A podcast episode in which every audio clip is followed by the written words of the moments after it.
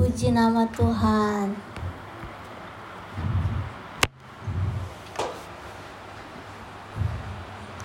Ibu, khotbah apa hari ini? Kamu nanya, Ibu khotbah apa hari ini? Kamu bertanya-tanya. Yang ketawa nih suka main TikTok ya. Oke. Eh baik. kita buka Alkitab kita di Kejadian 13 ayat 9 sampai 12. Kejadian 13 ayat 9 sampai 12. Di awal bulan November saya mengawali khotbah bulan November dengan uh, kisah Abraham dan di akhir bulan ini juga saya akan mengakhirinya dengan kisah Abraham. Bah. Oke, baik. Saya akan baca buat Bapak Ibu Saudara. Kejadian 13 ayat 9 sampai 12. Demikian firman Tuhan. Bukankah seluruh negeri ini terbuka untuk engkau? Baiklah, pisahkan dirimu daripadaku jika engkau ke kiri, maka aku ke kanan. Jika engkau ke kanan, aku akan ke kiri. Maka aku ke kiri. Lalu Lot melayangkan pandangnya dan dilihatnya lah bahwa seluruh lembah Yordan banyak airnya, seperti taman Tuhan, seperti tanah Mesir sampai ke Zoar. Hal itu terjadi sebelum Tuhan memusnahkan Sodom dan Gomora. Sebab itu Lot memilih baginya seluruh lembah Yordan itu. Lalu ia berangkat ke sebelah timur dan mereka berpisah. Abram menetap di tanah Kanaan, tetapi Lot menetap di kota-kota lembah Yordan dan berkemah di dekat Sodom. Amin. Amin aja dulu ya. Jadi firman Tuhan hari ini bicara tentang kemurahan hati. Ya, apa hubungannya Bu kemurahan hati sama Abraham? Jadi begini. Abram ketika pergi dari Ur Kasdim menuju tanah yang dijanjikan Tuhan yaitu tanah Kanaan. Ketika disuruh ya dia pergi aja. Ya. Ketika Tuhan suruh, Allah suruh pergi, ya pergi aja gitu. Anak-anak Tuhan tema bulan ini adalah tentang memberi, ya, tentang kemurahan hati. Anak-anak Tuhan, kalau mendengar firman Tuhan tentang kemurahan hati, tentang memberi, kadang-kadang suka gatal telinganya. Lebih suka tentang iman. Tetapi tahukah Bapak Ibu Saudara bahwa yang dilakukan Abram ketika diperintah untuk pergi keluar menuju tanah yang dijanjikan Tuhan, dia pergi aja berdasarkan iman. Maka kita semua senang dibilang anak cucu Abraham, keturunan Abraham, bapak orang beriman. Kita senang mendengar firman Tuhan tentang iman. Tetapi malam hari ini kita harus tahu bahwa iman tidak akan terjadi, tidak akan ada tanpa kemurahan hati. Orang yang bilang dirinya oh saya beriman tetapi tidak murah hati. Oh saya beriman tetapi pelit namanya tidak beriman. Halo?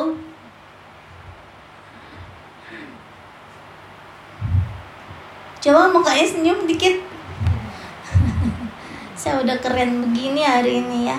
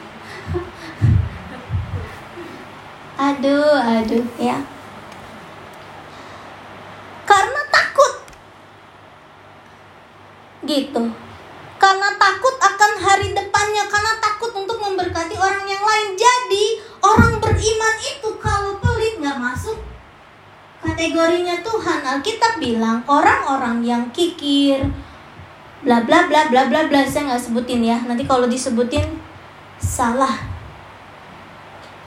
Salah lagi salah lagi kan? Uh, semua salahku. Ya udahlah gitu ya. Kalau dibacain ayatnya tambah lagi nih ibu nih ayatnya keras-keras semua. Ya gimana gitu? Kamu bertanya aduh sudah kamu bertanya-tanya wow jadi yang pertama yang kita mau lihat di ayat yang ke-10. Lalu Lot melayangkan pandangnya dan dilihatnya lah bahwa seluruh lembah Yordan banyak airnya, seperti taman Tuhan, seperti tanah Mesir sampai ke Zoar. Nah, Bapak Ibu Saudara, kita akan menjadi orang yang murah hati. Awalnya tuh apa sih? Jangan memilih atas apa yang kita pandang secara jasmani. Bapak Ibu Saudara, saya mau kasih tahu nih. Abram waktu disuruh pergi sama Allah, dia tuh sudah bawa banyak ternak, dia sudah bawa budak, dia bawa keponakannya. Siapa di sini? Yang dari Malaysia, dari Indonesia satu-satu diangkutin, dari Malaysia diangkut satu, dari Indonesia diangkut satu, dari Manado diangkat satu, dari Sabah diangkut satu, sampai beranak pinak di Australia. Nggak salah ternyata, sama. Abram juga bawa keponakannya Lot. Keadaan Abram sudah dalam kecukupan. Agnes Monica nggak konsentrasi nih kalau bunyinya keresek-keresek nih.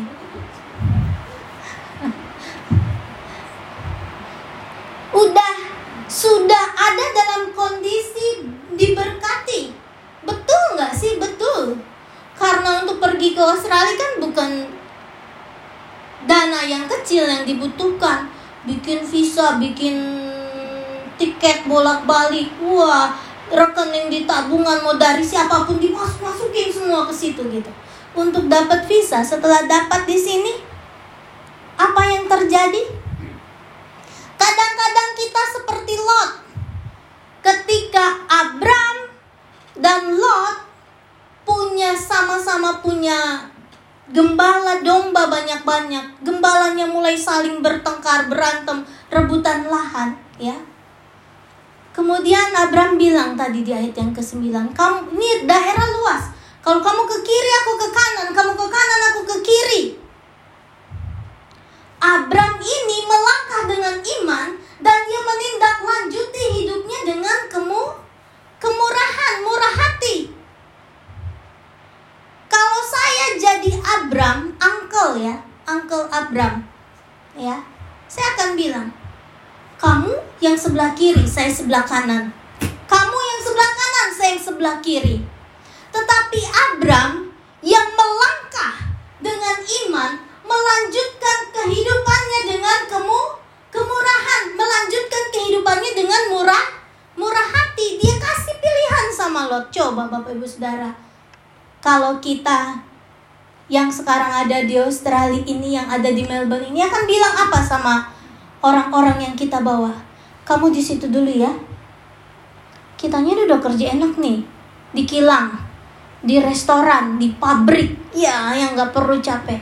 Kita biasanya apa sih kalau ada orang datang? Kamu coba dulu ya di kobong di kebun. Biar belajar mental dilatih. Mental mental.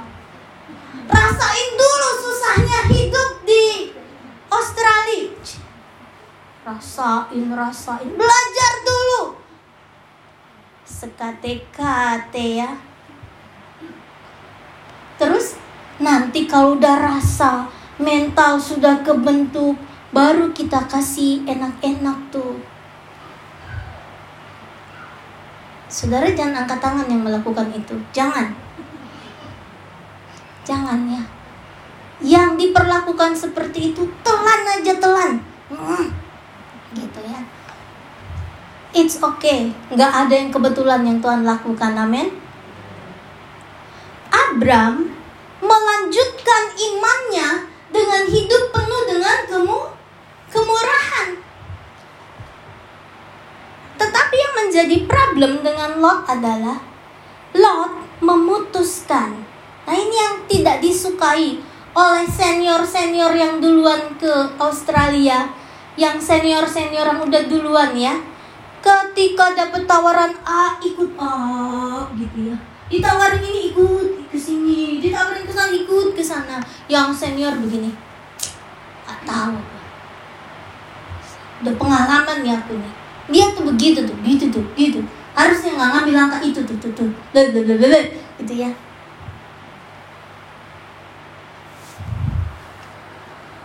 Lot memilih lembah Yordan yang banyak airnya seperti taman Tuhan.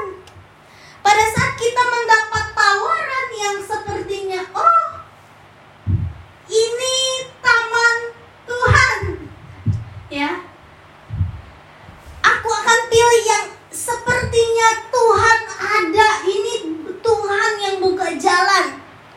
Padahal dia melihat lewat mata mata jasmani. Jangan memilih berdasarkan mata jasmani kita. Maka itu yang akan membentuk kita berikut-berikutnya tidak lagi melangkah dalam iman, tidak lagi hidup dalam kemurahan. Kalau kita hidup dalam iman, apa pun yang akan kita putuskan, kita tanya Tuhan bukan atas pandangan mata kita. Kalau kita sudah memilih berdasarkan iman, maka kita tidak takut ketika yang dilewati itu gersang, ketika yang kita lihat itu padang belantara, karena kita percaya Tuhan akan memberkati Tuhan janjinya ya dan amin. Orang mengikuti pandangan matanya. Kenapa? Karena khawatir akan hidupnya. Kenapa orang mengikuti pandangan matanya? Karena mereka kedekut, pelit, khawatir, dan sebagainya. Memperhitungkan dengan logikanya. Tuhan gak begitu. Abram, bapak orang beriman, gak begitu. Kalau kita hidup berdasarkan apa yang kita lihat, apa yang kita pikirkan, apa yang dibicarakan orang baik, akan menjadi salah. Tetapi Tuhan mau apa-apa yang kita ambil, yang kita putuskan berdasarkan perkataan Tuhan, berdasarkan hubungan kita sama Tuhan. Bapak, ibu, saudara, kalau mengikuti pandangan, ya, kalau mengikuti pandangan, saya nggak akan dipilih sama Bapak. Karena di awal kenalan saya udah bilang, Hai Krisno, saya Debbie, tinggi saya 138 cm, berat saya 50 kilo. Terus dia bayangin, itu di rumah Omex ada karung beras ya Gucci kayaknya begini lah bentuknya ya 138 50 kayaknya gini lah. Ya begini ya kalau mengikuti pandangan sendiri tapi lihat sekarang. Sama aja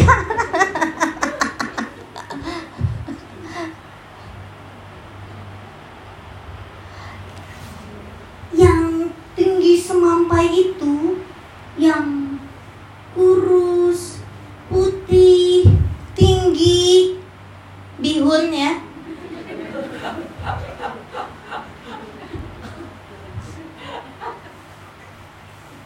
Ditolak. Uh, kenapa? Karena itu lembah Yordan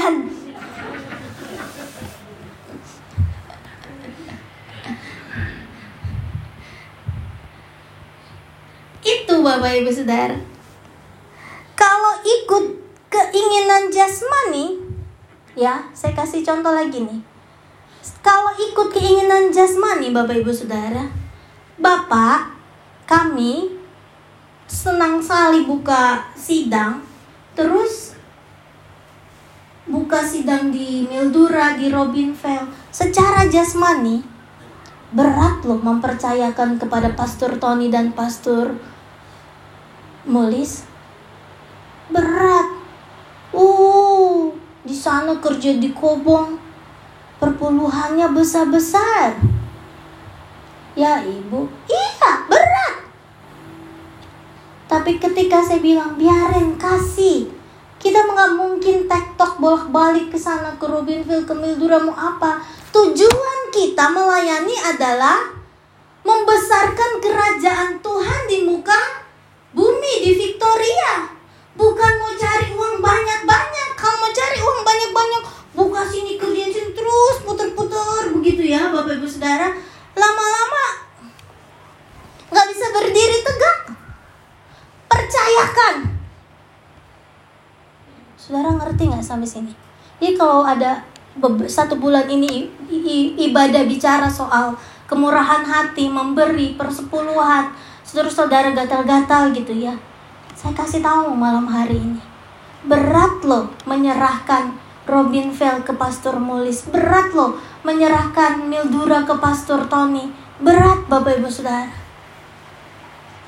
Kemarin di bulan Oktober mereka telepon kami dan bilang, "Bu, Pak, Natal tahun ini Pastor Max yang khotbah ya waduh gitu terus uh, oke okay.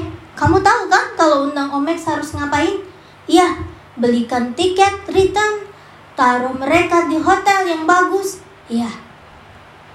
Ada dananya? Ada pak. Waduh saya bilang udah hebat nih. Saya datang ke sana pasca. Waduh mobilnya Pastor Tony bagus amat. Waduh, mobilnya Pastor Mulis bagus amat. Waduh, saudara, waktu pas uh, pasca kemarin, ibu, bapak, kita makan malam ya. Saya pikir makan malam di mana gitu ya. Kita udah uh, reserve tempat. Keren banget, saudara bapak ibu saudara. Hari itu saya cuma bilang, aduh Tuhan, Kebanggaan seorang gembala adalah ketika bisa menghasilkan gembala. Terus mereka bilang, udah. Terus kemarin uh, akhir pertengahan November mereka bilang, Pak, Bu, tiket Omex, Pastor Max sama Tante Rose sudah. Hotel sudah. Saya cek saudara, harganya Sydney Mildura itu satu kali pergi ya 300 dolar dua orang 600 bolak balik 1200 mahal loh bapak ibu saudara. Saya bukan ngomong mahalnya nih saya melihat betapa gembala-gembala yang sudah ditempatkan diberkati Tuhan amin betapa gembala-gembala yang sudah didapatkan di Robinville dan Mildura punya hati yang berkemurahan Cuman bisa apa? Cuma bisa bangga, bahagia. Walaupun bukan saya yang disuruh khotbah ya. Pastor Max sama Pastor Max lagi. It's okay. Tapi saya ngeliat, waduh, sudah berhasil. Itu waktu disuruh pergi, Pastor Tony ini, Pastor Tony siap melayani Tuhan, siap. Waktu itu anaknya tiga. Siapa namanya lupa saya Terry Talia Lova. Kecil-kecil, beruntun. Siap ke sana, siap. Dia kerja di bakery. Udah enak Bapak Ibu Saudara ya. Pergi, siap-siap. Pergi ya, dimodalin mobil yang jelek. Dimodalin uang buat sewa satu bulan. Dimodalin buat bayar sekolah anaknya. Pertama kali setelah itu dilepas. gitu ya. Pastor Mulis juga sama. Pergi ya Mulis, Bu, saya di sini udah tinggal tunjuk-tunjuk tunjuk-tunjuk kerjaan selesai. Di sana harus mulai lagi dari awal. Pergi sana, pergi. Melangkah awalnya dengan iman, dilanjutkan dengan iman dan kemu kemurahan. Murah hati terus-menerus. Itu yang dilakukan bapak iman kita yaitu Abraham. So kalau kita yang bilang kita punya iman, kita anak Tuhan, terus kerjaannya bak hitung terus ya, berhitung terus. Sadari atau tidak, engkau kikir, engkau pelit, milih terus. Yang saya akan berkati yang saya suka terus. Jangan belajar kayak ibu-ibu komsel Indonesia ya. Sebel ya sama Bu Dewi. Tetap aja dikasih hadiah ya. Tuh yang kuning tuh hadiahnya tuh saya bawa-bawa semua orang melihat gitu ya. Enggak enggak enggak. Terus yang Malaysia bilang oh berarti kita mau kasih. Yang Malaysia juga udah banyak kasih. Kemarin saya pakai kalung sekarang pakai cuma kelihatan ya. Itu yang Tuhan mau. Sebel gak sama Bu Dewi sebel gitu. Saya mau berkati yang yang ini aja nih yang saya suka aja nih yang mukanya sedih-sedih teraniaya aja nih gitu ya. Kalau Bu Dewi itu mukanya sangar. Kayaknya nggak perlu dia diberkati. Oh saya mau berkatinya ini aja itu aja kalau Tuhan suruh berkati berkati ada lagi yang lucu berkati oh ini nih ini nih tamu nih diberkati nih terus ibu gembalanya nggak usah bapak gembalanya nggak usah gitu terlalu galak dia eh kebalik loh saudara bayangin loh kalau maaf ya keras nih khotbahnya tapi katanya nggak boleh minta maaf kata bapak tapi harus minta maaf juga dengerin bapak ibu saudara kalau saudara punya anak ya terus anak saudara kasihnya Kayak misalkan nih anak saya Ken, Mami, aku punya uang 500 dolar, dia bilang. Dia kumpulin tuh. Aku mau kasih. Sama siapa? Sama temanku. Beneran ini Bapak Ibu Saudara nggak bohong nih saya cerita. Buat apa? Kasihan dia katanya. Kenapa? Dia nggak dikasih cukup uang sama mama papanya. Astaga,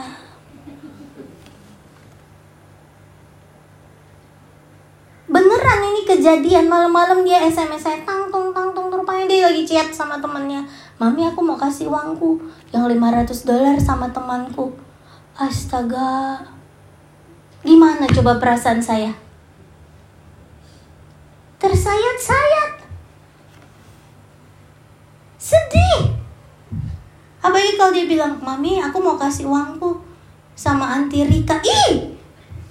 Ngapain ada Uncle Johnnya? Gitu ya kan?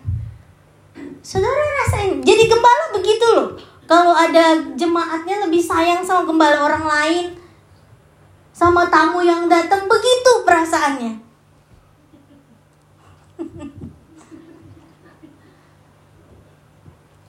atau yang udah jadi orang tuh harusnya paham ini. Kalau anaknya begitu sedih saudara.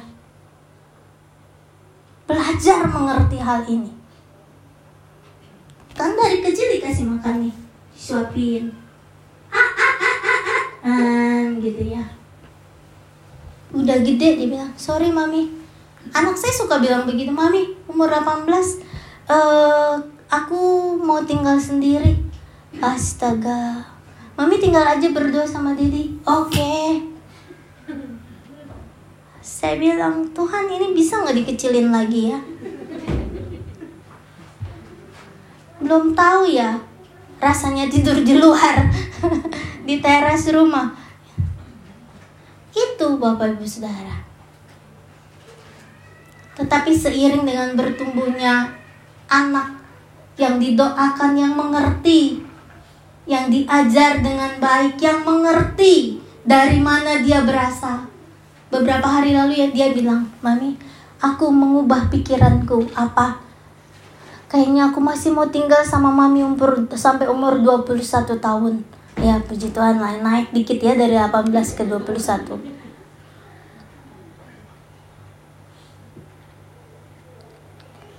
Jangan mengambil keputusan memilih berdasarkan pandangan mata saja.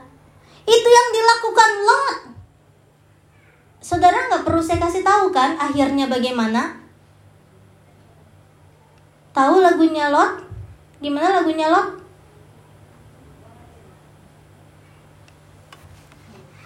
Ayo kita nyanyi sama-sama. Larilah, cepatlah. Dulu pernah sekolah minggu ya? Api Tuhan turun, Sodom Gomora, janganlah melihat. Istri Lot lupa dia menoleh.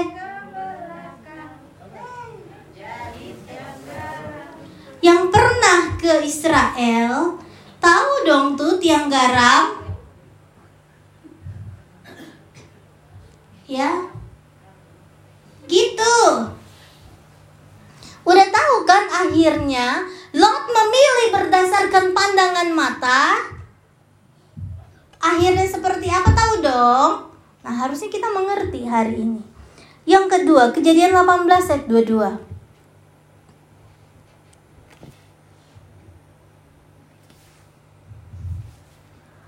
Lalu berpalinglah orang-orang itu dari situ dan berjalan ke Sodom. Tetapi Abraham masih tetap berdiri di hadapan Tuhan. Lalu berpalinglah orang-orang itu dari situ dan berjalan ke Sodom. Tetapi Abraham masih tetap berdiri di hadapan Tuhan.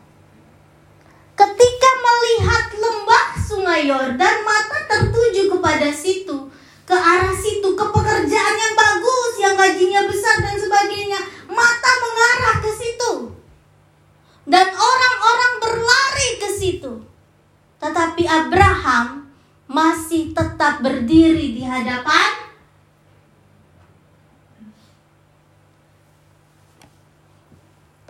Yang kedua, kemurahan hati harus disertai hidup di dalam hadirat Tuhan. Abram pergi meninggalkan Ur Kasdim dengan iman, menjalaninya dengan kemurahan hati, melewatinya diam dalam hadirat Tuhan.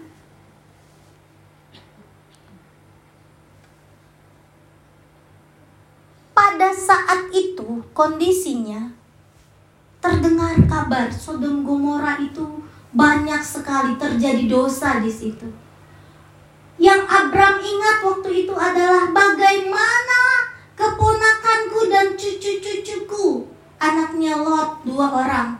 Bagaimana ya? Makanya dia bilang sama Tuhan, Tuhan, jangan hancurkan Sodom dan Gomora. Kalau ada seratus orang, kalau ada lima puluh orang, kalau ada sepuluh orang, dia bernegosiasi dengan Tuhan. Bapak Ibu Saudara kita, kalau sudah memberkati orang, kalau sudah menolong orang, biasanya kita bilang, pada saat orang itu kemudian kembali kejepit, kita akan bilang, makanya rasain, makanya, makanya, gitu ya, sampai maju-maju mulutnya. Rasain, tuh kan, tuh, tuh, tuh, gitu ya. Abraham tidak Abraham bilang apa Tuhan? Kalau ada 100 kalau ada 50 kalau ada 10 kasihan dia pikirin. Padahal ketika awalnya dia kasih pilihan. Lot kamu ke kiri aku ke kanan. Kamu ke kanan aku ke kiri. Kamu pilih lembah Yordan aku pilih arah sebaliknya. Supaya tidak terjadi pertikaian dengan gembala-gembala kita. Oke. Terus ketika daerah dimusnahkan dipikirin loh. Tapi kita jadi anak Tuhan dan ditolong Tuhan dikasih kemurahan sama Tuhan diberkati dibukakan jalan demi jalan pintu demi pintu. Yang kita lakukan apa? Jawab sendiri dalam hatimu. Kalau saya ngomong lagi nanti dibilang Bu Debbie galak ternyata Apa yang saya kasih di ulang tahun Bu Dewi tidak merubah hatinya. Tidak merubah cara khotbahnya. Tidak merubah. Menyesal saya. Jangan diambil lagi ya tasnya, blazernya, ya kalungnya jangan dikasih jangan diminta lagi ya kuenya udah dimakan coklatnya ada yang kasih wine sama saya mabok lah saya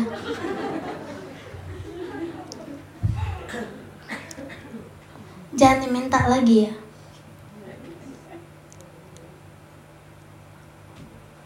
Abraham gitu loh Abraham niru siapa? Niru Allahnya. Kita niru siapa? Niru Lot. Eh, perhatikan baik-baik. Tanya Tuhan apa yang harus dilakukan. Tanya Tuhan siapa yang harus diberkati. Tanya Tuhan. Saya selalu ajarkan sama anak-anak muda di sini.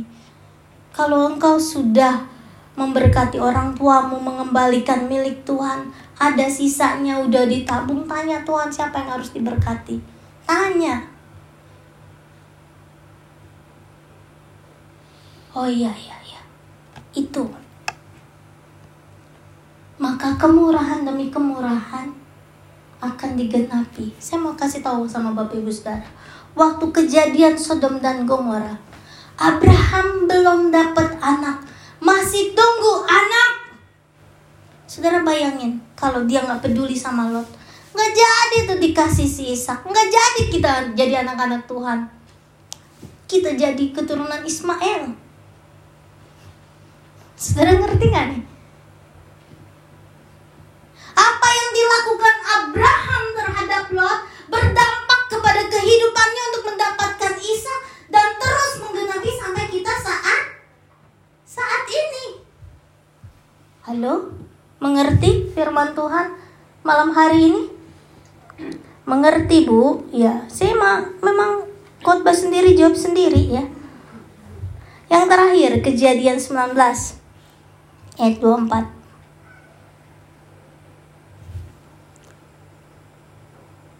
Kemudian Tuhan menurunkan belerang dan api atas Sodom dan Gomora berasal dari dari Tuhan.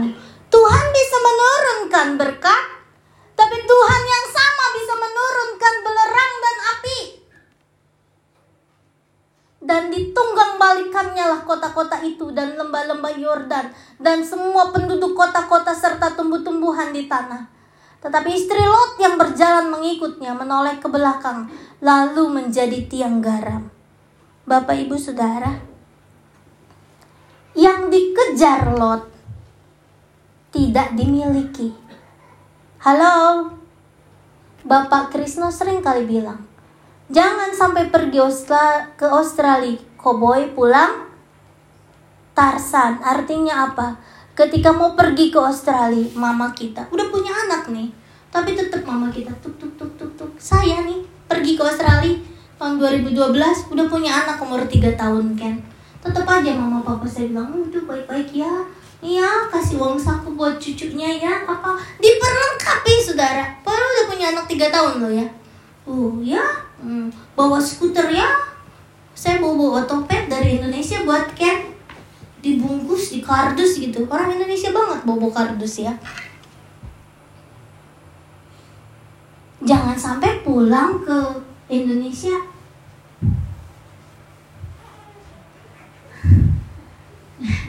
pulang nih mah jangan nggak punya apa-apa habis semua gitu ya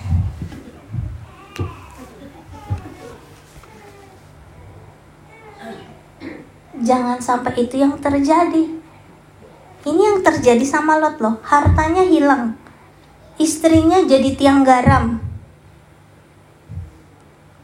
dijebak anak-anak perempuannya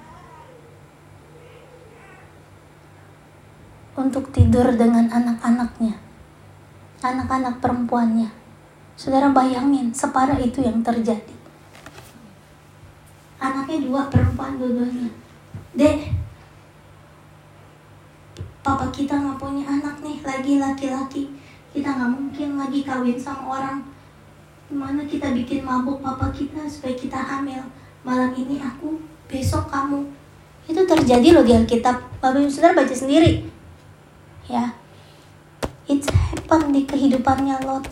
Bayangin saudara.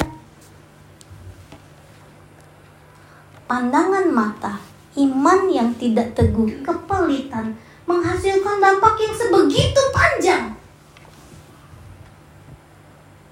Akhirnya dari dua putrinya ini lahir keturunan Moab dan Amon.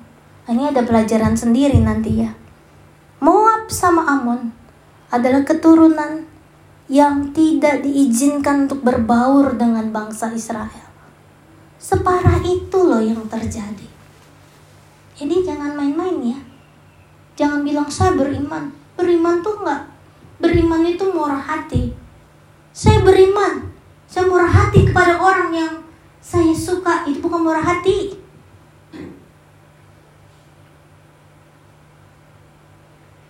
Saya mau ngomong nih malam hari ini. Anjing aja.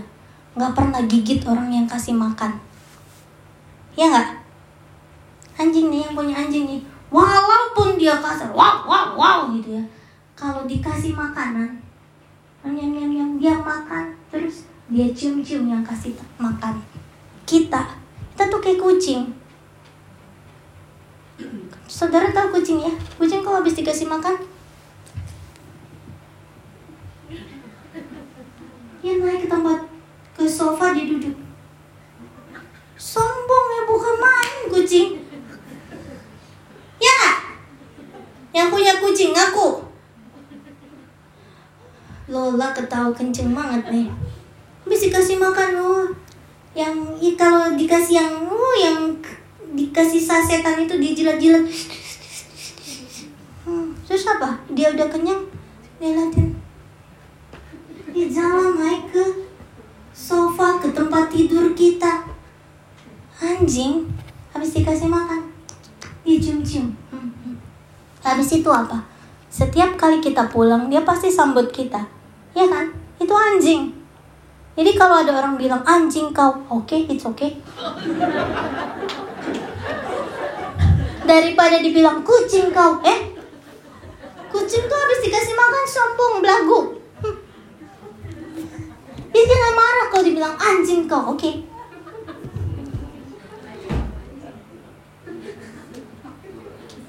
Anjing tahu terima kasih loh. Udah udah mau jam 9. Aduh Tuhan Yesus tolong. ayat yang terakhir kila hendaklah kamu murah hati sama seperti bapamu adalah murah hati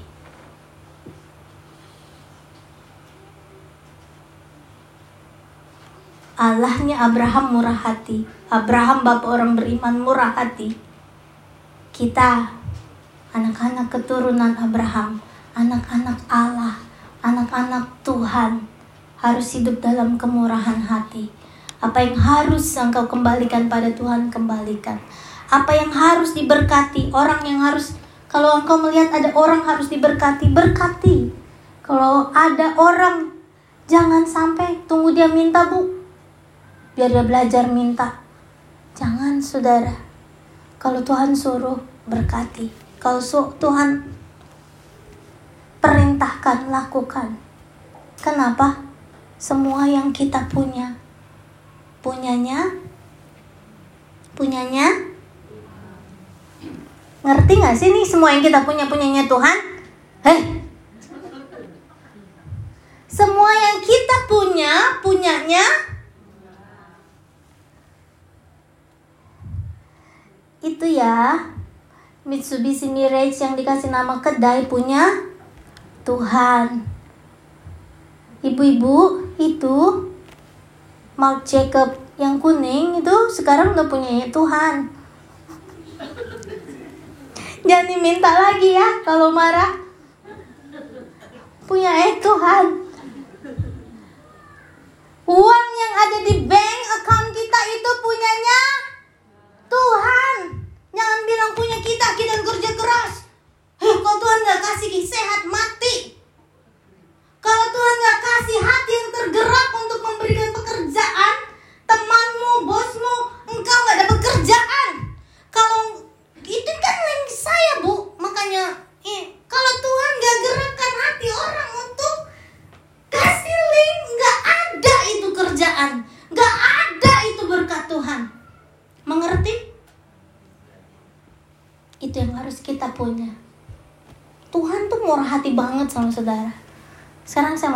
sama Bapak Ibu Saudara, sampai hari ini, siapa yang tiap hari hidupnya suci kudus tak bercacat celah di hadapan Tuhan?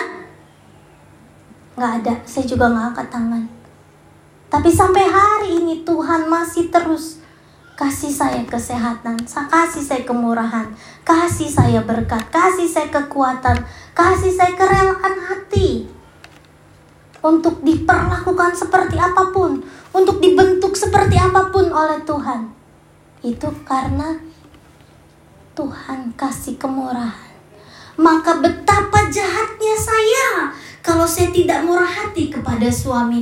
Betapa jahatnya saya kalau saya tidak murah hati kepada jemaat. Betapa jahatnya saya kalau saya tidak murah hati kepada orang lain. Even yang membenci, even yang merencanakan kejahatan, itu yang Tuhan mau. Tuhan tahu isi hati kita. Yang jahat tercela mau membalas orang, mau pukul balik orang, Tuhan tahu. Tetapi Tuhan masih terus kemurahan, kasih kemurahan murah hatilah kita karena Tuhan kita Tuhan yang murah hati. Tuhan tadi lagu pujian sebelum firman bilang kita percaya bahwa setiap janji Tuhan akan digenapi. Kadang-kadang janji Tuhan tidak tergenapi dalam kehidupan kita karena ada hal yang tertinggal yang tidak kita lakukan, yaitu apa? tidak punya iman, hidup hanya berdasarkan apa yang kita pandang, pelit setengah mati, memilih untuk tidak memberkati orang, mengumpulkan banyak. Kemudian Tuhan yang kita sembah itu, yang memberikan berkat itu, dia bisa menurunkan berkat, dia juga bisa menurunkan api dan belerang. Kita mau pilih mana? Saya undang singar, song leader maju kita nyanyikan lagu yang terakhir.